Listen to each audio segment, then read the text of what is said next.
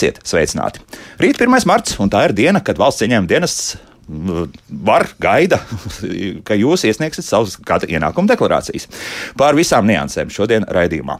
Manas studijas viesnes valsts ieņēmuma dienesta nodokļu pārvaldes klienta apkalpošanas daļas Rīgas 4. nodaļas vadītāja vietiece Natālija Konopecka. Sveicināti! Sveicināti! Un valsts ieņēmuma dienesta nodokļu pārvaldes fizisko personu deklarāciju uzskaitas daļas vadītāja Dace Čirse Čirša. Sveicināti! Sveicināti! Dāmas, sākam uzreiz ar to, eh, kam vajadzētu iesniegt. Tad mums ir principā divas lielas sadaļas - brīvprātīgi iesniedzamā un obligāti iesniedzamā. Sākam ar obligātiem. Kam no 1. marta līdz 1. jūnijam, ja šajā laika robežās ir jāiesniedz ienākuma deklarācija? Nu, pirmais, ko es gribētu pateikt, ka nekas īpaši nav mainījies no iepriekšējā gada. Tad palika tās pašas kategorijas, kas bija. Tad cilvēki, kuri veic saimniecisko darbību, zemnieku saimniecības īpašnieki, cilvēki, kuri iznomā nekustamus īpašumus uz, uh, ar likmi 10%, personas, kuras gūst ienākumus ār, ārzemēs piemēram, jūrnieki, un viņam pienākums maksāt nodokļus Latvijā. Pie, ša, pie šīs kategorijas varētu minēt, ka obligāti nav jāsniedz tam personam, Latvijas rezidentiem, kas gūst algotus ienākums Eiropas Savienība. Tā tagad, tā tad, ja tas jūrnieks strādā. Ne, ne, es ne, neko nesaprotu. Jā, tad, tad lūdzu, Natālija, skaidrojiet. Jūrnieki parasti maksā nodokļus Latvijā. Mm -hmm.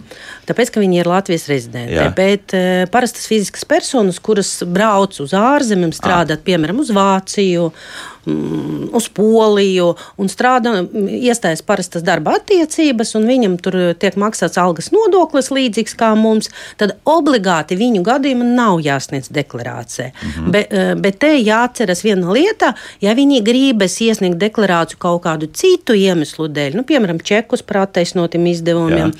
vai izīra dzīvokli vēl, tad viņam vajadzēs norādīt pilnīgi visus ienākumus, arī tos, ko viņi guvuši kā algotus ienākumus Eiropas Savienības valstis. Skaidrs. Tad viņš skaitās mūsu rezidents, bet līguma noslēdz viņas un darba līgums ir Vācijā. Ja? Jā, tā, tā viņš tur maksājas visus nodokļus, mm -hmm. nu kaut kādu laiku, pusgadu tur nostrādājis. Jā, jā, bet viņi. Jā, un savukārt, ja ir izīrēts dzīvoklis, tad šeit mēs iesniedzam gada ienākumu deklarāciju, un tad ir jādabūna vēl arī no Vācijas valsts ieņēmuma dienesta kaut kāda izziņa, vai kā, kā to visvieglāk nokārtot.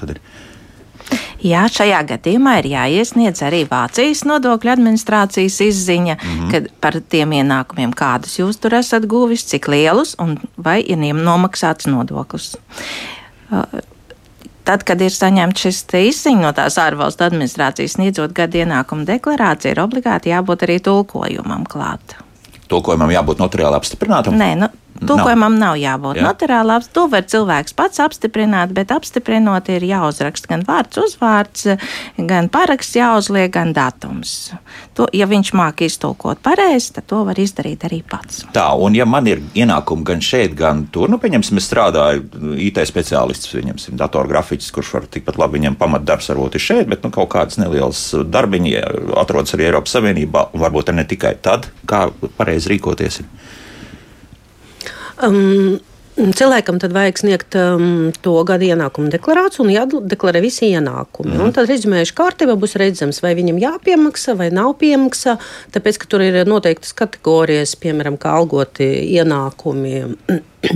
Tie ir neapliekami, bet eh, pie, um, te ļoti svarīgi saprast vienu lietu, kad mēs aizpildām gada ienākumu deklarāciju, ka ārzemes gūti ienākumi ietekmē gada diferencētu neapliekumu minimumu. Par Aha. to cilvēki gan aizmirst. Jā, jā? visu skaitām kopā. Jā, jā kulītē, mēs jā. liekam viena kulīte un visu saskaitām kopā. Un tad skatāmies apliekams, neapliekams, kādi atvieglojumi pienākas un rezumējuši kārtība. Tad, um, Izejot no visu, visiem brutto ienākumiem gadam, mēs nosakām, cik nodokļus jāmaksā, vai, vai otrādi, cik jāatmaksā, ja, piemēram, pārmaksāti nodokļi.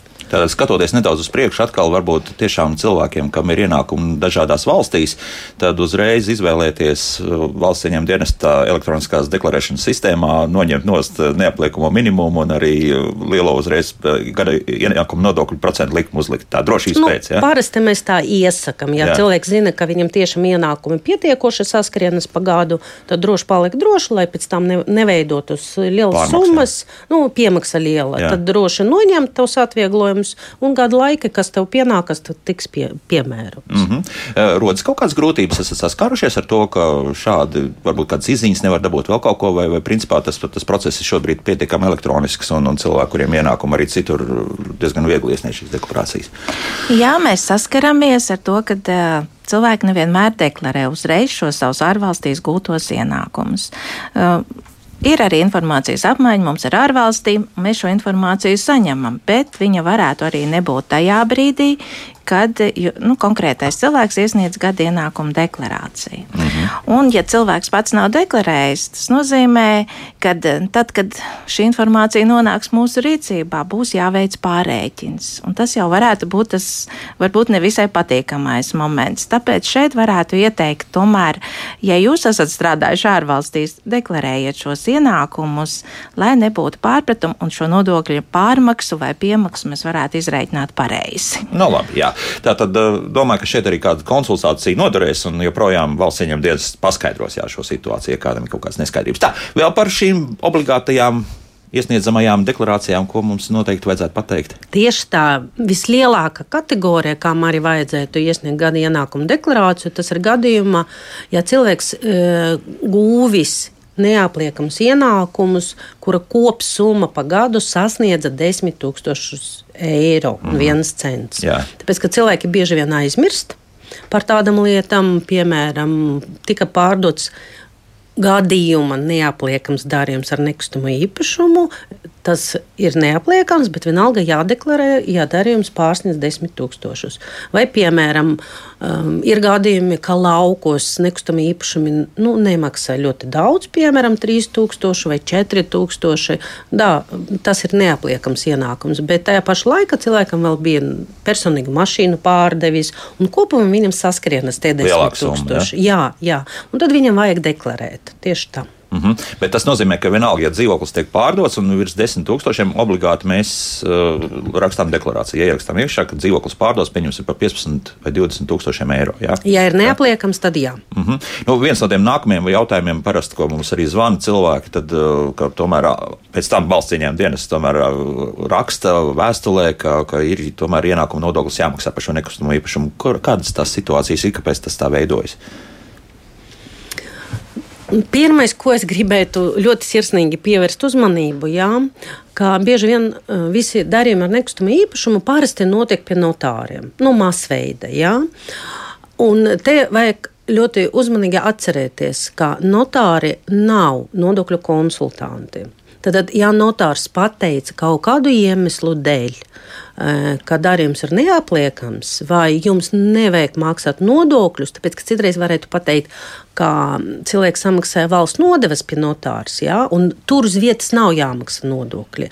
Cilvēks pārprot, un pēc tam viņam tā situācija ievilkas. Viņš ar apziņu, ka viņš sadzirdēs, ka neapliekams, līdz ar to viņam nav pienākuma maksāt. Guļmierīgi. Jā, jā mm -hmm. pilnīgi dabiska situācija cilvēkam. Tāpēc es vienmēr saku, uh, nākam obligāti uz konsultāciju. Ja neklātienē, tad zvanam. Ja uh, vēl labāk rakstam elektroniski, varam uzdot jautājumu.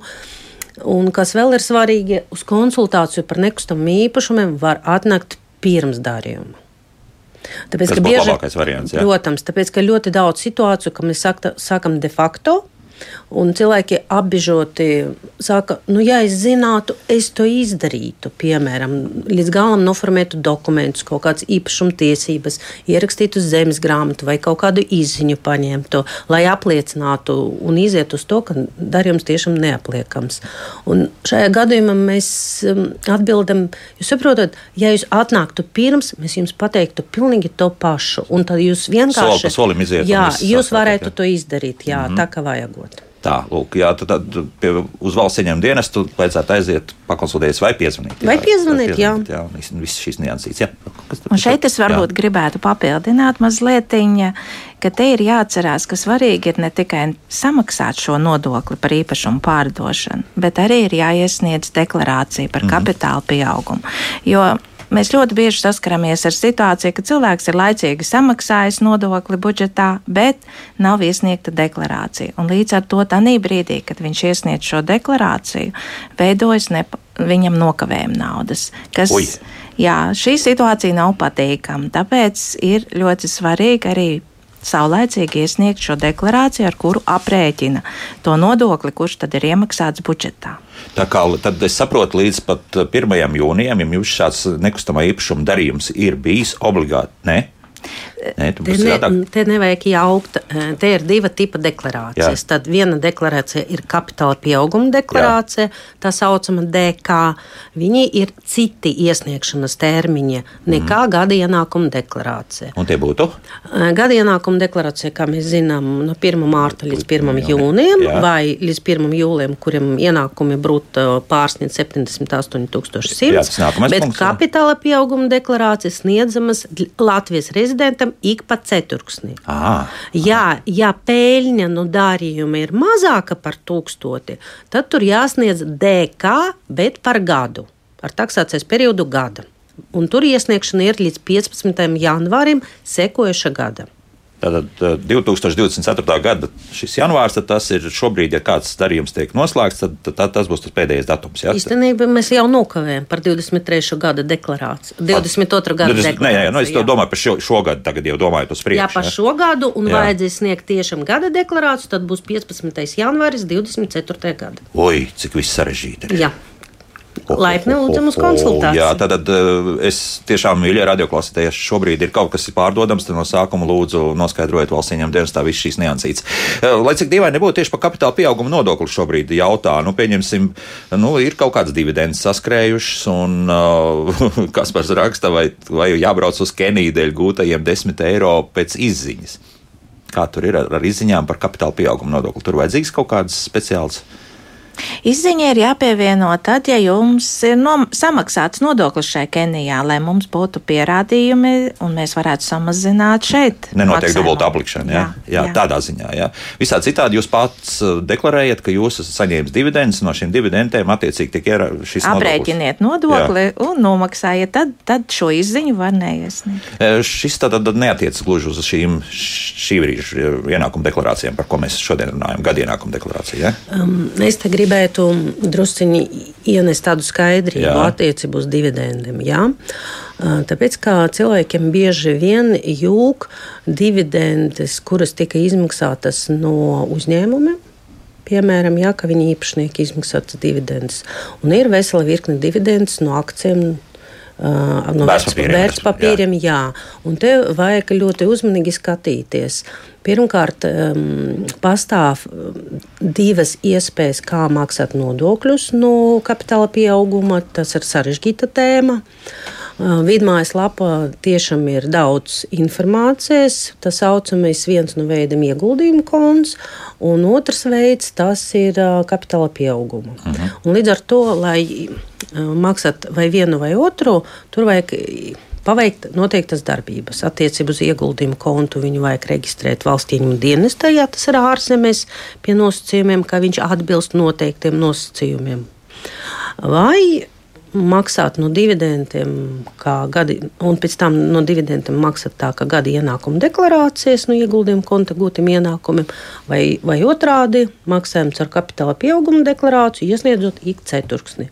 Vai ja tie dividendi, nu, kurus pienākums deklarēt gada ienākumu deklarāciju, tad tas sniedzam un rakstam gada ienākumu deklarāciju. Oi, liekas, ka atkal kārtējā konsultācija ir nepieciešama, lai tiktu jā, galā bet, ar to visu. Bet jā. es gribētu pievērst uzmanību, ka cilvēki, kuri nodarbojas ar finanšu instrumentiem. Vi, visi. viņi ļoti avansēti. Viņi Jā. tie, kas visvairāk raksta mums, konsultējas, jautā, pievieno dokumentus un visu noprecizē. Un arī ļoti bieži mūsu ciemiņi, mūsu vidu mājaslapa. Mm -hmm.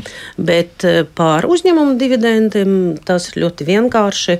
Mums 22. Eh, gada Latvijas gūti dividendi no uzņēmumiem ir neapliekami ienākumi. Bet tas Skaidrs. atkal eh, jārēķina tos desmit tūkstošus neapliekamu minimumu apmēru, kur parādās pienākums obligāti deklarēt. Aha, tad, ja, ja virs desmit tūkstošiem, tad. Turpat arī dzīvo, kā es teicu, mašīna, piemēram, jā. neapliekama. Visu skaitām kopā. Jā, jā dividends, tad, tad visu saliekam kopā. Skaidrs, jā. Bet, pieņemsim, skatos atkal bankas sākuši krājkontus, drusciņ kaut kādas nelielas, pavisam naudas summas maksā tur eiro, eiro 5, eiro 6 saskrējuši pa pagājušo gadu. Skatos, ka arī ir nomaksāts attiecīgi kapitāla pieauguma nodoklis. Man par to vairāk nav jāuztrauc par tiem centiem. Ja? Bankas ietur procentu maksājumus. Viņas iesniedz mums paziņojumus, un tas automātiski ielasās gada ienākuma deklarācijā. Jā, viss kārtībā. Par to nav jāuztraucas. Jā, par šiem centiem, ka pēkšņi soda naudas sāk skriet, ka neesmu kaut ko samaksājis. Varbūt te var papildināt, jā. ja mēs jau pieķēramies pie tā, kas e, ielasas deklarācijā. Um, dotie brīdi, kad deklarāciju veido elektroniski, visa informācija, kur ir vidrīcībā, tā ielasas deklarācija. Un pēc būtības e, personai vajag iziet cauri, pārskatīt, vai tiešām tiešām tas ir to, ko viņš ir guvis, tiešām tie ir tie nodokļi, kas tur samaksāti vai nav samaksāti. Un starp citu, ja kaut kāda informācija neatbilst tā, tā informācija, nu, piemēram, kļūdains paziņojums, ja? mhm. vai pielasies ne tā, piemēram, veidlapā, un līdz ar to apreik, tika aprēķināta lielāka likme, nu, kā mēs zinām, 10%, 20%, tai personai ir tiesības izdzēst krustiņu, nolikt un ievadīt tos datus pa jaunu pareizi. Un tad saglabāt. Jā. Un tad saglabāt, jā. jā Tas ir ļoti svar, svarīga ziņa. Mm -hmm, skaidrs, jā. Tā tad eh, tagad eh, vēl viens svarīgs nianses. Kur šobrīd eh, kā ienākuma deklarāciju varēs iesniegt? Tikai EDS sistēmā, respektīvi elektroniski, vai arī personiski varēs kaut kādā veidā? Iesniegt. Um, ir vesela virkne cilvēku, um, kuriem obligāti jāsniedz tikai elektroniska veidā. Tas ir tie, kuriem obligāti jāsniedz, kuram ir saimnieciska darbība, mm -hmm. kuram mm, zemnieku saimniecības īpašniekiem. Tiem vajag obligāti. Jā. Pārējais personas attaisnot izdevumu, ja grib iesniegt un nav nekādu citu pienākumu obligāti sniegt, var arī papīra veida. Bet mēs te gribam pievērst uzmanību, ka elektroniski to iesniegt daudz, daudz ērtāk, tāpēc, ka jā, jāsniedz klātienē, tad, protams, jābrauc uz pieņemšanu vai vērsties uz valsts pašvaldības vienotiem klientu apkalpošanas centriem, mhm. kuri arī tagad sniedz tādu pakalpojumu gada ienākumu deklarācijas iesniegšana. Un tur jums vai palīdzēs elektroniski iesniegt, vai uz pilnvaras pamata iesniegs jūsu vietā drīkst tā darīt. Ja? Tur ir speciāla atļauja, kur tā kā pilnvarota persona, nu, amatpersona, jūs viņu pilnvarojat, un viņš, tā persona elektroniski izveido to deklarāciju un iesniedz tā, ka mums atnāk tas dokuments elektroniski. Skaidrs, ja? Viņu vieta ievada. Jā. Nav jāiet līdz valsts ieņēmuma dienesta kādai nodaļai, bet pietiek ar klientu apkalpošanas centru. Jā. Tur, tur būs cilvēki, kas, kas zinās, ko darīt. Jā. Te jāpievērš uzmanību, ka valsts ieņēmuma dienas pieņem tikai pēc pieraksta. Un varat iedomāties, kādas rindas veidojas, lai tiktu uz klātienes pieņemšanu, lai iesniegtu gada ienākumu deklarāciju. Tā, tā... Bet īstenībā mēs no savas prakses ļoti daudz jau saska, redzam, ka ģimene jaunieši ir visiem, visiem pat pensionāriem jau ir internetbankas. Mhm. Pieslēgtas, un līdz ar to pietiek, ja ir paroles un ģimenes loceklis palīdz iesniegt. Jā tad tur vispār problēma nav. Nu, daži drošības speciālisti, protams, saķer galvu šajā brīdī un saka, ka pat ar radiniekiem labāk neko nerādīt. Bet nu, labi, tas ir cits stāsts. Bet draugi ir. Nu, Citreiz draugi uzticamākas personas nekā, nekā ģimenes locekļi. Arī tā gadās. Jā, nu, paklausīsimies arī kādu klausītāju. Lūdzu, jūs varat jautāt? Halo! Halo! Halo. Jā, lūdzu! Pagājušā gadā pārdeva zemi par 3000 eiro. Vai man ir jāmaksā tas nodoklis? Tā, un varbūt ka kāds eh, konkretizēšos jautājums. Te es sākšu tā. E, pirmkārt, lai konkrēti par kaut kādu nekustamo īpašumu runātu konkrēti, tad vajag konkrēti izanalizēt šo situāciju. E, pirmkārt, e, nekustamo īpašumu īpašnieku. Tātad uh, ir noteikti punkti, pie nosacījuma, ja izpildes nosacījumi, tad šis nekustamies īpašums ir neapliekams. Bet runājot par laukiem, tur varētu būt arī citi um, cits punkts, ja tā ir lauksaimniecības zeme, Jā. un tur atkal iestājas vesela virkne, kuram jāatbilst vai neatbilst, lai noteiktu, vai šis nekustamais īpašums apliekams vai neapliekams. Bet varbūt uh, es pateikšu tādu klasisku. Uh, norma, normas punktu, pēc kuras nekustamais īpašums ir neapliekams. Ja jums ir vienīgais nekustamais īpašums, kas jūsu īpašuma bija pēdējo 60 mēnešu laika vienīgais, mm -hmm. tad atsevišķi tādu tas darījums būs neapliekams. Tālāk. Otrs variants, ja tiek pārdota zeme tomēr ar dzīvojumu ēku, tad mēs skatāmies, ja um, nekustamies īpašums nav vienīgais un bija īpašuma vairāk nekā 60 mēneši. Un pēdējo 60 mēneši bija deklarēta dzīves vieta, 12 mēneši, tad arī darījums ir neapliekams. Un trešais gadījums ir, kad jūs pārdodat vienīgo nekustamo īpašumu bet viņš nebija jums vienīgais pēdējo piecu laika. Bet uz dotu brīdi ir vienīgais. vienīgais jā.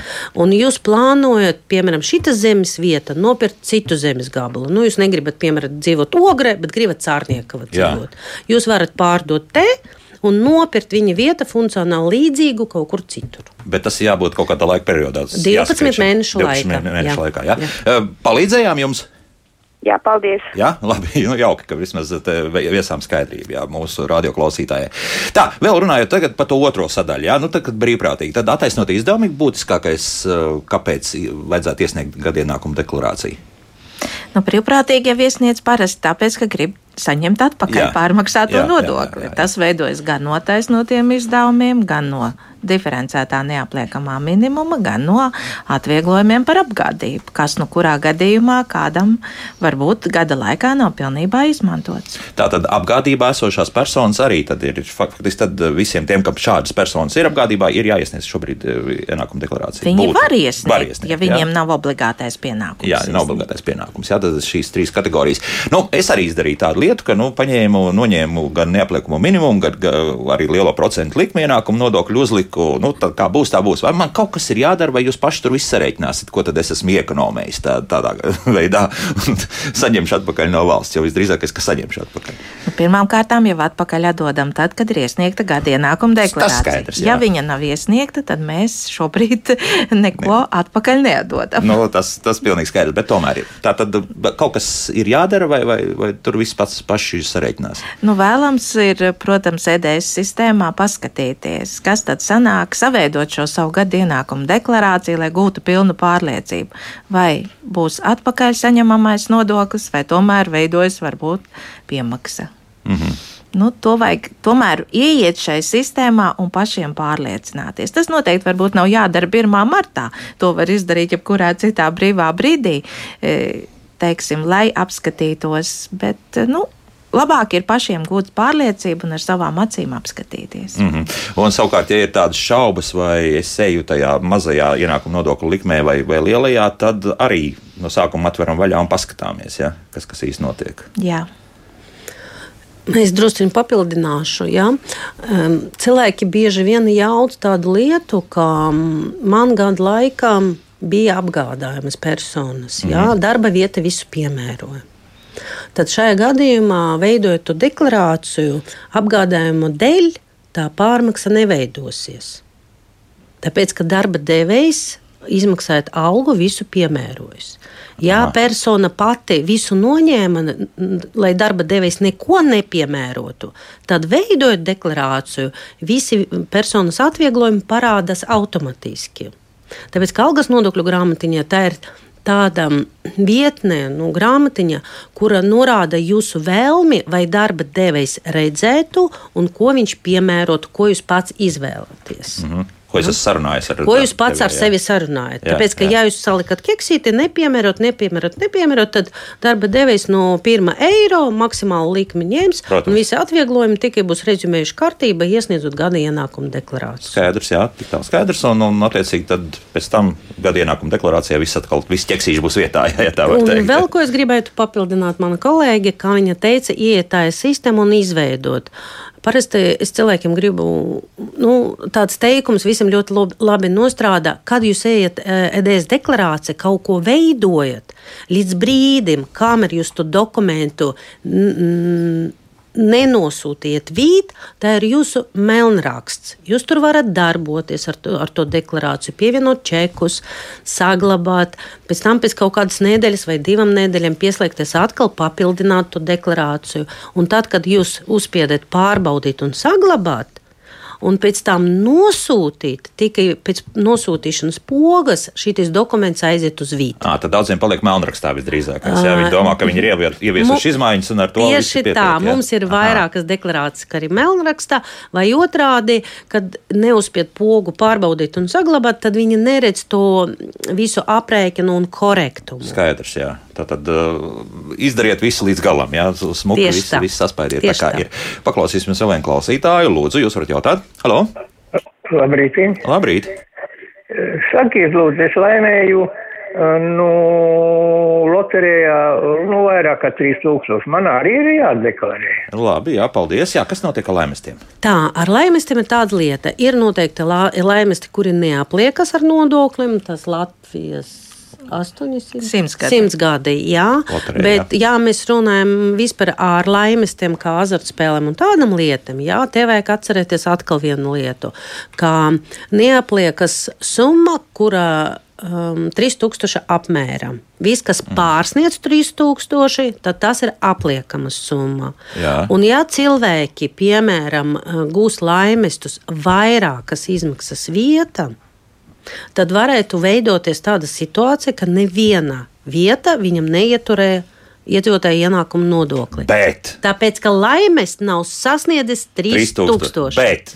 Kad visi šī informācija saskrien deklarācija, tad parādās, ka kopumā pagāda pie dažādiem pakalpojumu sniedzējiem, Jā. kur eh, laimestus guva, sanāk, ka cilvēks guvis 5000, un tad viņam 3000 neapliekami, viss, kas virs, apliekams. Un atkal tas viss, kas virs, viņš saliekas atkal kopējā tā bilde par visiem gada ienākumiem, un tad tiek rēķināts gan likme 20%, ja tomēr ienākumi pārsniedz 20 4 eiro, tad pārsnieguma summa ir 23%. Jā.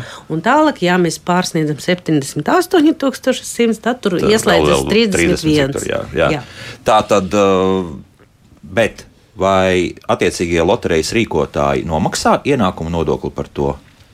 Ja pieņemsim, šis laimests ir virs 3000. Jā, viņi ir virs pārsnieguma summas, jā. viņi ietur vietā. Jā. Tā kā kungam, ja ir nomaksāts šis ienākuma nodoklis, tad. tad un citu viņam... laimestu nav, nav, tad vajadzētu būt ok, ja viņam kopumā neizveidojas pa gadu, jā. piemēram, 78,000. Savukārt, ja tu nepārtraukti pēc dažādas loterijas biļetītes un eh, nu, dabūni kaut kādu innestu 20, 30 eiro, bet kopumā pāriet pār 3000, tad laipni lūgt un tomēr ienākuma nodokli maksāt. Jā.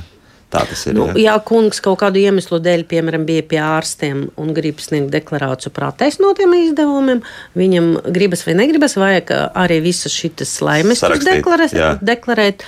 Um, parasti tas visgrūtāk notiek, ja laimesti tiek gūti no ārzemes um, spēles klubi. Jā, dažādi, ja? tīpaši interneta. Jā. Tur vislielākās grūtības, tāpēc, ka viņam nav pienākuma mums sniegt datus, bet mēs no viņa varam pieprasīt. Cilvēk, cilvēks aizmirst, ka viņam pašam vajag deklarēt, un tad tur sanāk. Nu, diezgan liels summas. Li, lielas, pirmkārt, liela sarakstē, jā, tāpēc, ka, tāpēc mēs pa, parasti iesakām, mums ir vidu mājaslapa informatīvais materiāls tieši par laimestiem, izlasam, uh, pa, izanalizējam savu situāciju un rīkojamies saskaņā ar norādījumiem. Mm -hmm. Viss būs labi. Jā, tātad, bet nu, šo, šoreiz mūsu kungam visdrīzākais bija salīdzinoši vienkāršs gadījums.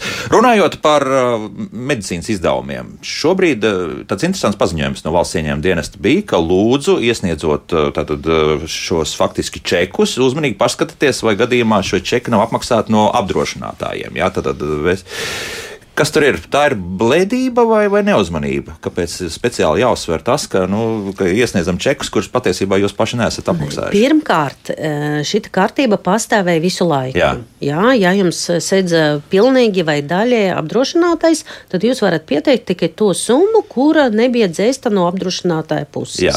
Bet šogad mums drusciņ cita kārtība. Tāda ziņa, ka jūs, ja jūs pie čeka atzīmējat, kā daļu sedz apdrošinātais, mm -hmm. tad jums vajag vienkārši norādīt apdrošinātāja kompānijas nosaukumu Aha. un apdrošinātāja tas polises darbības termiņu. Termiņš kāds, jā. Tāpēc, kā agrāk bija tā, piemēram, jums bija pakalpojums 100 eiro, jums apdrošinātājs sedza, piemēram, 70 eiro, tad tu norādi, ka 70 tev sedza un 30 tev gāja uz deklarāciju. Un kāpēc tas laika periods ir jānorāda? Um, Ja mums arī, piemēram, mainās, mums mainās martā. Jā, tās tās, un tad. Nu, kad jums- tā- Nu šeit var būt situācija tāda, ka mums ir tiesības arī apdrošinātājiem paprasīt precizējošu Jā. informāciju, vai tiešām ir sekti izdevumi vai nav sekti izdevumi. Nu, tas mums vienkārši dod informāciju, kuram, pie kuras apdrošināšanas kompānijas mēs vēršamies. Skaidrs, bet nu, to laika periodu, teiksim, polisēji tomēr norādīt, jā, veselības Jā. apdrošināšanas. Nu, jā. ja tas ik sevišķi gada laikā mainās divas polises, tad, protams, varētu būt, ka vienā termiņā ir viena apdrošināšanas kompānija un citā ir atkal cita. Mm -hmm. Bet automātiski jūs tāpat saņemat visas šīs ziņas, pieņemsim, par, no ārstniecības iestādēm, ka attiecīgi ir nomaksāts uh, tāda, tāda naudas summa, jā, čeks un tā tālāk. Jā. Tā, tas ir- Ārstniecības iestādes jā, mums dod ar e-kvītījumu šo informāciju, kādu summu ir samaksājis pats uh, cilvēks. Mhm, Piemaksājas, respektīvi, klāt. Jā, jā. Piemēram, mēs runājam par veselības Jā. apdrošināšanu. Jā. Jā. Bet atkal gribu pievērst uzmanību, jā, ka mēs saskaramies ar tādu praksi, ka mm, ir medicīniskas iestādes, kuras, lai nosūtītu šīs e-kvītas vidam, viņam vajag piekrišanu no pakalpojumu saņēmēja. Oh, Jā, ir, ir tādi, tādas iestādes, un sanāk tā, ka cilvēks e, domā, ka e-kvīts ir iesniegta, Jā. bet tā, ka viņš nav parakstījis piekrišanu, e, medicīniskā iestāde nesniedz. Tas čekus mums. Dažas situācijas arī pastāv tādas. un cik daudz tādu iestāžu nav noslēpums? Ir? Un mēs tādu Tas- tas- statistiku nav, jā, neveidojam. nav, jā. un tāpēc mēs bieži vien atgādinām cilvēkam, lūdzu, čekojiet līdzi saviem izdevumiem. Ja jūs paļaujaties tikai uz pakalpojumu sniedzēju kvalitatīvu darbu, ka viņš sniegs visu vidam, tad um, paliekam uz pie tā, kā jūs paļaujaties. Jā, Tātad, ja es aizēju pieņemsim, uz kādu veselības centru, tad es no sākuma pajautāju, jūs, vai, vai es drīkstu, vienmēr sakot, šo čeku iesniegt? Tad tā, tas, tas pirmais jābūt Ē, jautājums. ja? Iesniegt jūs varat, tāpēc Jā. ka mums vienalga, ja jūsu pakalpojums sniedzējs iesniedza pie mums datus, tad jūsu dati parādās deklarācijā. Redzat, kā šis čeks iesniegts, un jūs varat nesniegt. Mm. -hmm. Bet gadījumā, ja tas čeks nav iesniegts. No elektroniskas kvītis, tad jums vajag kaut kādu papīru, lai to iesniegtu. Nu, jā, mēs saskaramies ar tādām situācijām. Jā. Kā cilvēks teica, ka viņam medicīniskā iestādē, viņam pat uzrakstīts citreiz, ka um, e-kvīts automātiski tiek iesniegta vīta, bet te ir divi veidi. Viņam visi e-kvīts jāsniedz vidam kā atskaite par kvīšu izlietojumu, bet tās kvītas, kuras par personu, lai migrētu viņa deklarācija, nevienmēr tas migrē, tāpēc, ka nav pie, atļaujas no fiziskas personas. Tālāk, ja. Nu, vēl vienu klausītāju uzklausīsim, un tad skatīsimies, kas mums mājaslapā ļoti daudz jautājumu, protams. Lūdzu! Halo. Labrīt! Labrīt! Veiksmi darbiņā! Paldies! Eh, Sakiet, lūdzu, kā uz pensionāriem, kas maksā nodokļus, attiecas kaut kas, vai tur tikai medicīniskie uh, var deklarēt? Labi, paldies. Jā, tā tad. Jā, jā, jā, jā, jā. Tā tad vai ko var visi tie, kas ir pensijā, bet joprojām turpina maksāt ienākumu nodokli? Tie, kas maksā i- iedzīvotāju ienākumu nodokli, tā tad var iesniegt deklarāciju, deklarēt savus attaisnotos izdevumus, medicīnu, vai tie varbūt ir pensiju fondi, varbūt kāds maksā vai dzīvības apdrošināšana ar uzkrājumu, nu, un sniegt deklarāciju un saņemt atpakaļ. Jā, es pajautāšu, kas ar tā, šīm dažādām dzīvības apdrošināšanām? Tur ir tā, ka no sākuma tu maksā un, un pat saņem atpakaļ. Jā, teiksim, nu, var iesniegt kā attaisnotos izdevumus. Un pēc tam, kas notiek, kad tev sāk izmaksāt, vai tad arī nodoklis ienākums tiek maksāts no tās summas, ko jau tev maksā? Tur ir? no tās, kuru izmaksā jau ir Jā. tur apdrošināšanas sabiedrība. Tad. Ā. Bet šeit ir tā situācija, kas jāņem vērā, ja gadījumā maksā un izņem pirms pusotra gada. Termiņa ātrāk laukāšanas, pašu iemaksāto summu, Summu, jo jā. nu, visu laiku maksāja, pēkšņi izdomāja pārtraukt šo līgumu un ņemt laukā. Bet nav pagājis šis laiks, eh, tad tur ir jārēķinās, ka, ja izņem lielāku summu laukā, tad varētu būt, ka šī daļa būs jāpliek ar nodokli un pašam jāsamaksā gadienā. Mm -hmm. Un to Deklarācija. noskaidrot. Uh, Var pie jums arī jāgriežas, vai to arī tā, šī apdrošināšanas kompānija attiecīgi var jums Nu, Pirmkārt, jau to zina, manuprāt, pats cilvēks, vai viņš ir izņēmis laukā savus eh, līdzekļus eh, no pensiju fondiem pirms laika vai apdrošināšanas, jo tas, kas tiek izņemts pirms termiņa. Nu, šobrīd arī tā dzīvības apdrošināšanai ar uzkrājumu ir desmit gadu termiņš. Tātad, ja lauž ātrāk, tad visu, kas ir iepriekšējos gados ielikts gada ienākuma deklarācijā, ir jāliek atpakaļ teko, tajā gadā, kad ir izņemta šī naudas summa un jāpliek ar nodokli. Mm. Silvija jautā, lūdzu, izskaidrojiet, no cik lielas summas atmaksā nodokli par ārstniecības un zobārstniecības izdevumiem pens pensionāriem. Ik gadu iesniedz dokumentus vismaz par 300 eiro, bet atpakaļ saņem pavisam maz. Tā tad, jā, Te klasisks pirmkārt, stāsts, laikam. jā. Jā, pirmkārt pievēršu uzmanību, ka nav svarīgi, kāds cilvēkam ir status. Vai tas ir pensionārs vai nav pensionārs. Attaisnot izdevumu uz vienu cilvēku, kuru summu var iesniegt nodokļu pārreikinam tieši šajā gadā, ir 600 eiro. Mm -hmm. Tad tā, ka vidi neapmaksā attaisnotus izdevumus, bet pārreikina nodokli, nodoklis mums ir 20% tā ir robeža, ir, no kuras veids attaisnotus izdevumus. Tad no 600 eiro 20% sastāv 120 eiro. Mm -hmm. Ja kaut kāda mm, kundze tur bija 300, 300 300 eiro, eiro, jā. tad pēc būtības tā ir pusi no 120, tad 60 eiro. À, tā tā, šādi proporcionāli laiku. Nē, no rēķināts, 300, no jā. 320% tā ir 60 eiro. Jā. Pie nosacījuma, kā kundze, tie 60 eiro bija iemaksāti kā iedzīvotāja ienākuma nodoklis. Jā. Ja kundze, piemēram, nodokļus gada laika bija ieturēts tikai 20 eiro. Nu, Tad viņa skaidrs, ka- saņems 20 eiro, a visa tā summa, kura netika izmantot pārreikinam, pāris uz nākamu gadu. Tā tomēr ir. Jā, Jā. Un, un, un, un tad apmēram tā. Tā, kas, kas vēl? Kas vēl? Ko mums jautā? Uh, Ilzi jautā, jau divus gadus dzīvoju ārpus Latvijas, Eiropā, esmu pašnodarbinātā, kur iestāde man tieši jāinformē par savu statusu. Vai man būs sots par nelaikus eh, informācijas sniegšanu? Par to jāinformē Latvijas iestādes. Diemžēl noskaidroju tikai nesen, ka jāinformē Ilzi mums jautā. Es ne visai saprotu, te vajag eh, saprast divas lietas. Pirmkārt, eh, persona ir reģistrēta kā pašnodarbināta Latvijā, vai tā ir valsti, kur viņa jau divus gadus dzīvo, mm -hmm. kur viņa tas status iegūts. Jā. Te ļoti vari, svarīgi saprast, kuras valsts rezidente viņa ir. Pieņemsim, ka Latvijas tad. Ja Latvijas rezidente ir, ja viņi ir Latvijas rezidente, tad viņi katru gadu vajag sniegt gada ienākumu deklarāciju kā pašnodarbināta persona. Tur nekādu problēmu nav. Vienīgais, ko es nu eh, saredzu mm, citu, ka viņa patstāvīgi uzturas ārvalstī, tad varbūt viņa jāvēršas pilsonības migrācijas departamentā, lai deklarētu savu um, deklarētu vietu, kā viņa atrodas ārvalsti. Bet tā, tā kā nav mūsu kompetence, viņi jāvēršas uz pilsonības migrācijas departamentu, jāinteresēs tur, vai viņi Uz vajag. vietas, jā.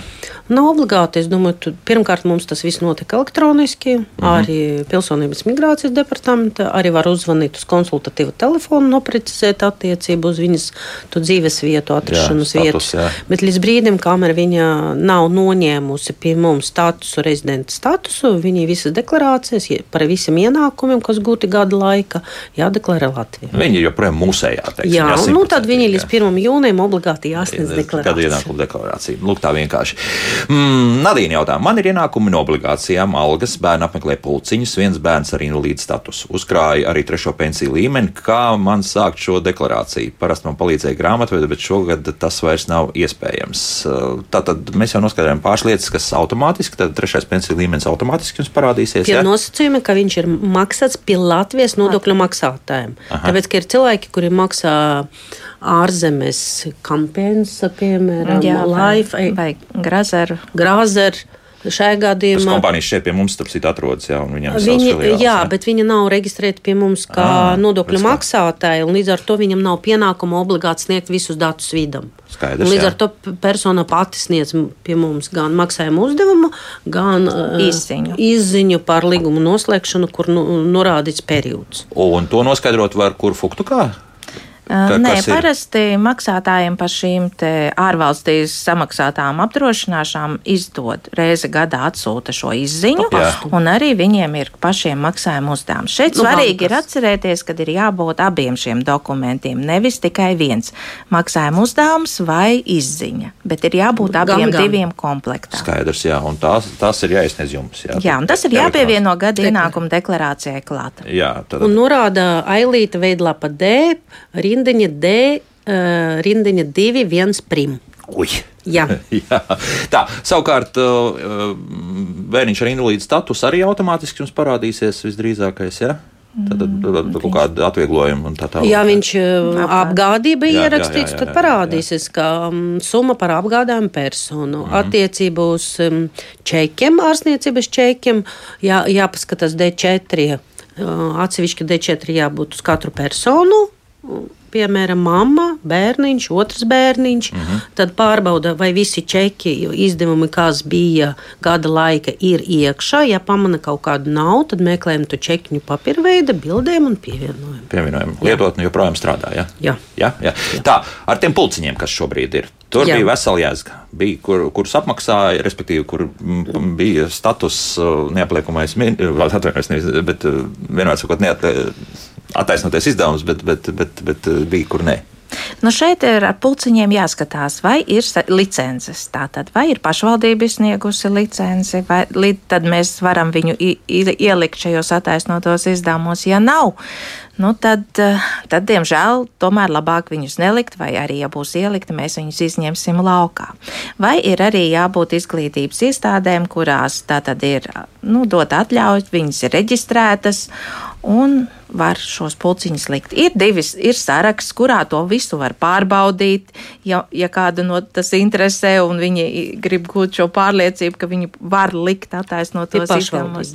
Bet šeit varbūt ir jāpaskatās tā tad arī uz to, ka, nu, tās kļūdas, ko mēs saskaramies, kad eh, liek pamatizglītību, kas tomēr nedrīkst likt pie attaisnotiem izdevumiem, jo pamatizglītība mums ir valsts apmaksāta, un ja kāds viņu savu bērnu sūta privāti, kur ir jāveic maksājums, tad šo maksājumu tomēr nevar likt pie Ir attaisnotiem runa par izdevumiem. privātu skolu. Privāta skola, jā, Jā, jā. privāta skola vai tie ir bērnu dārzi, privātie.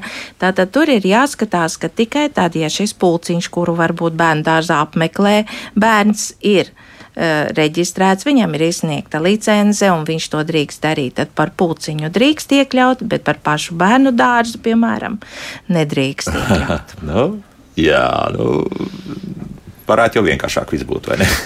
Varētu būt, bet. Un te varbūt arī pievērst uzmanību gribas, ka mm, ir tādas lietas vēl, kā biedru nauda. Biedra nauda. Redziet, e, ir visādas sporta biedrības, Jā, jā. un biedra nauda. e, Tas nav maksa par pakalpojumu. Tā, tas ir vienkārši biedra nauda, ka tu esi tā biedrība. Aha. Līdz ar to tas nav pulciņa samaksa. Tātad, ja es aizēju uz eh, sporta zāli un samaksāju par sporta zāli, tad es vēl varu kā Nē, attaisnot. nē, jūs saprotat, jūs nemaksājat par sporta zāli, bet ja jūs ejat pie trenera, Ah, kas ah. sniedz pakalpojumu basketbola, Jā. hokeja, viņam ir licence no pašvaldības, Jā. tā ir pulciņš.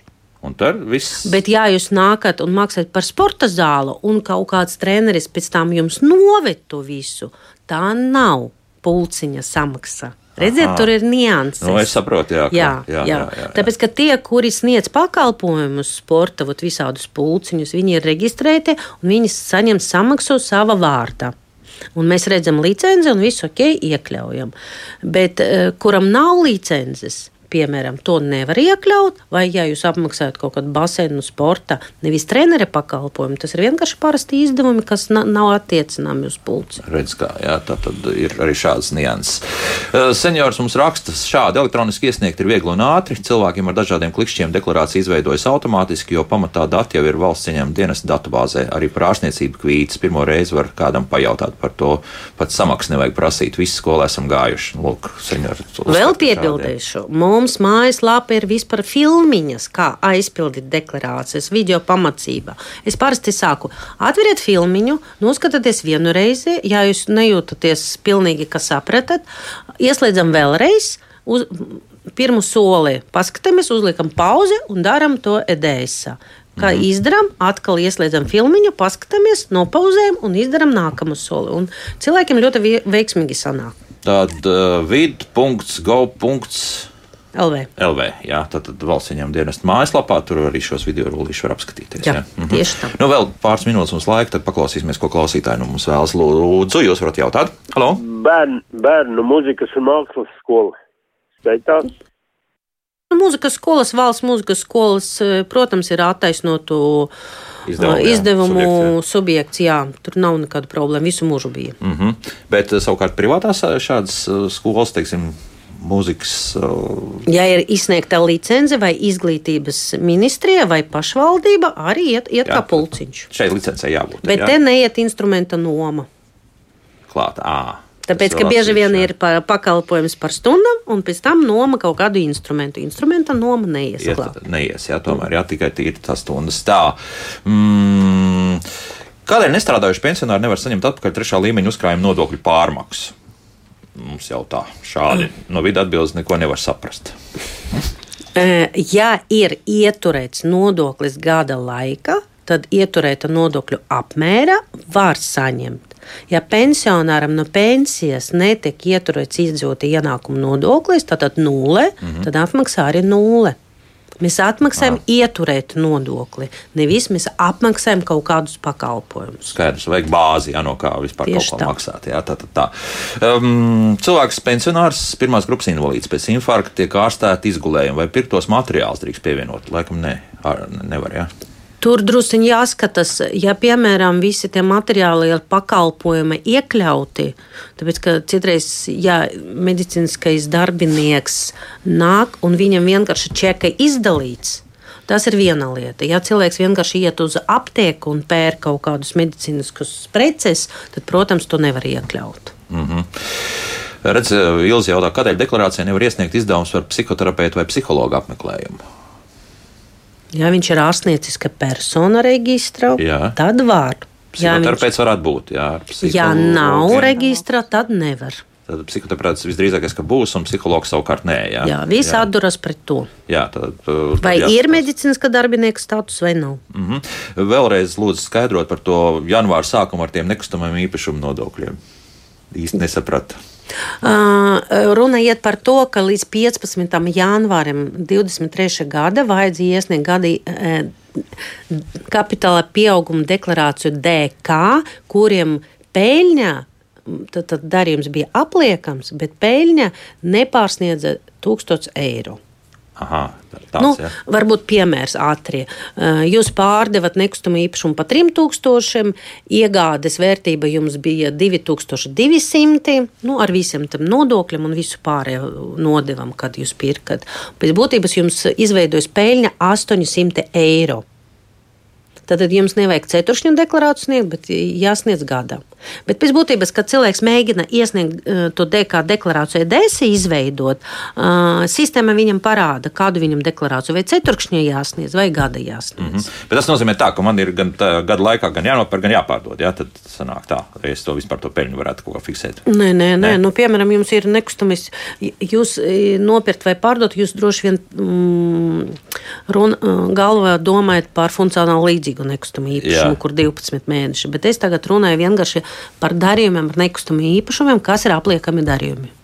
Mm -hmm. nu, piemēram, jūs dzīvokli nopirkat desmit gadus atpakaļ, jā. jūsu bērni izauga, aizgāja savas gaitas, jums tik liels jā. dzīvoklis nav vajadzīgs. Saprotiet, jūs domājat, ha, pārdošu, nopirku kaut kādu mazāku pie jūras vai vēl kaut kur.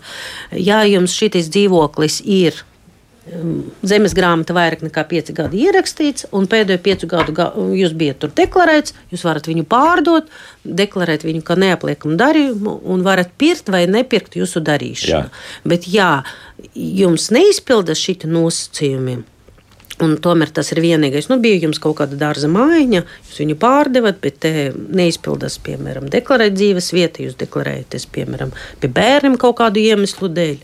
Tad jums jāskatās, ka jūs gribat funkcionāli līdzīgu nopirkt. Jā, Jā vienīgo. Tad jūs skatāties tādu dzīvokli, savulaik nopirku par 40 tūkstošiem, tagad pārdevu par 100 tūkstošiem. Tad jums 100 tūkstoši minus 40 peļņa 60 tūkstoši. Oho, ja jūs jā. kaut ko ieguldat remontu, tur gadu, nu, ir, jums ir dokumenti, kuri apstiprina, piemēram, 20 tūkstoši, tas atkal samazina to peļņu. 60 minus vēl 20 ieguldījumi, jums sanāk peļņa tīra 40 tūkstoši. Šajā gadījumā jums jāsniedz ceturkšņa deklarācija un jāsamaksā no 40 tūkstošiem 20%. o, par to es domāju, ka daudz būtu neiedomājies. Vai, vai, ja tas ir vienīgais, un jūs plānojat funkcionāli, tad tos, to peļņu 40 tūkstoši jūs varat 12 mēnešu laika no pārdošanas ieguldīt funkcionāli līdzīga. Tas nozīmē nopirkt citu dzīvojumu telpu. Apmēram par to pašu jāsumma. Nu, nu, pat man visi drošinātāji ir pārdeguši. bet, nu, šodien jābeidz. Nu, nu, ceru, ka rītdien uh, tu, tu neuzkārsies uh, elektroniskās deklarēšanas sistēma un atcerieties, jā, ka varat izmantot arī šo pakalpojumu. Tātad klienta apkalpošanas centros visā Latvijā jūs varat do- doties un faktiski arī elektroniskā veidā jums palīdzēs aizpildīt uh, šo gadienāku Pašvaldības vienotos centros. Jā. Jā, tā kā tā. Paldies valsts ieņēmuma dienesta nodokļu pārvaldes klienta apkalpošanas daļas Rīgas 4. nodaļas vadītāja vietniecei Natālijai Konopeckai un valsts ieņēmuma dienesta nodokļu pārvaldes fizisko personu deklarāciju uzskaits daļas vadītājai Dacei Čirsai Čiršai par skaidrojumiem. Līdz rītam! Atā.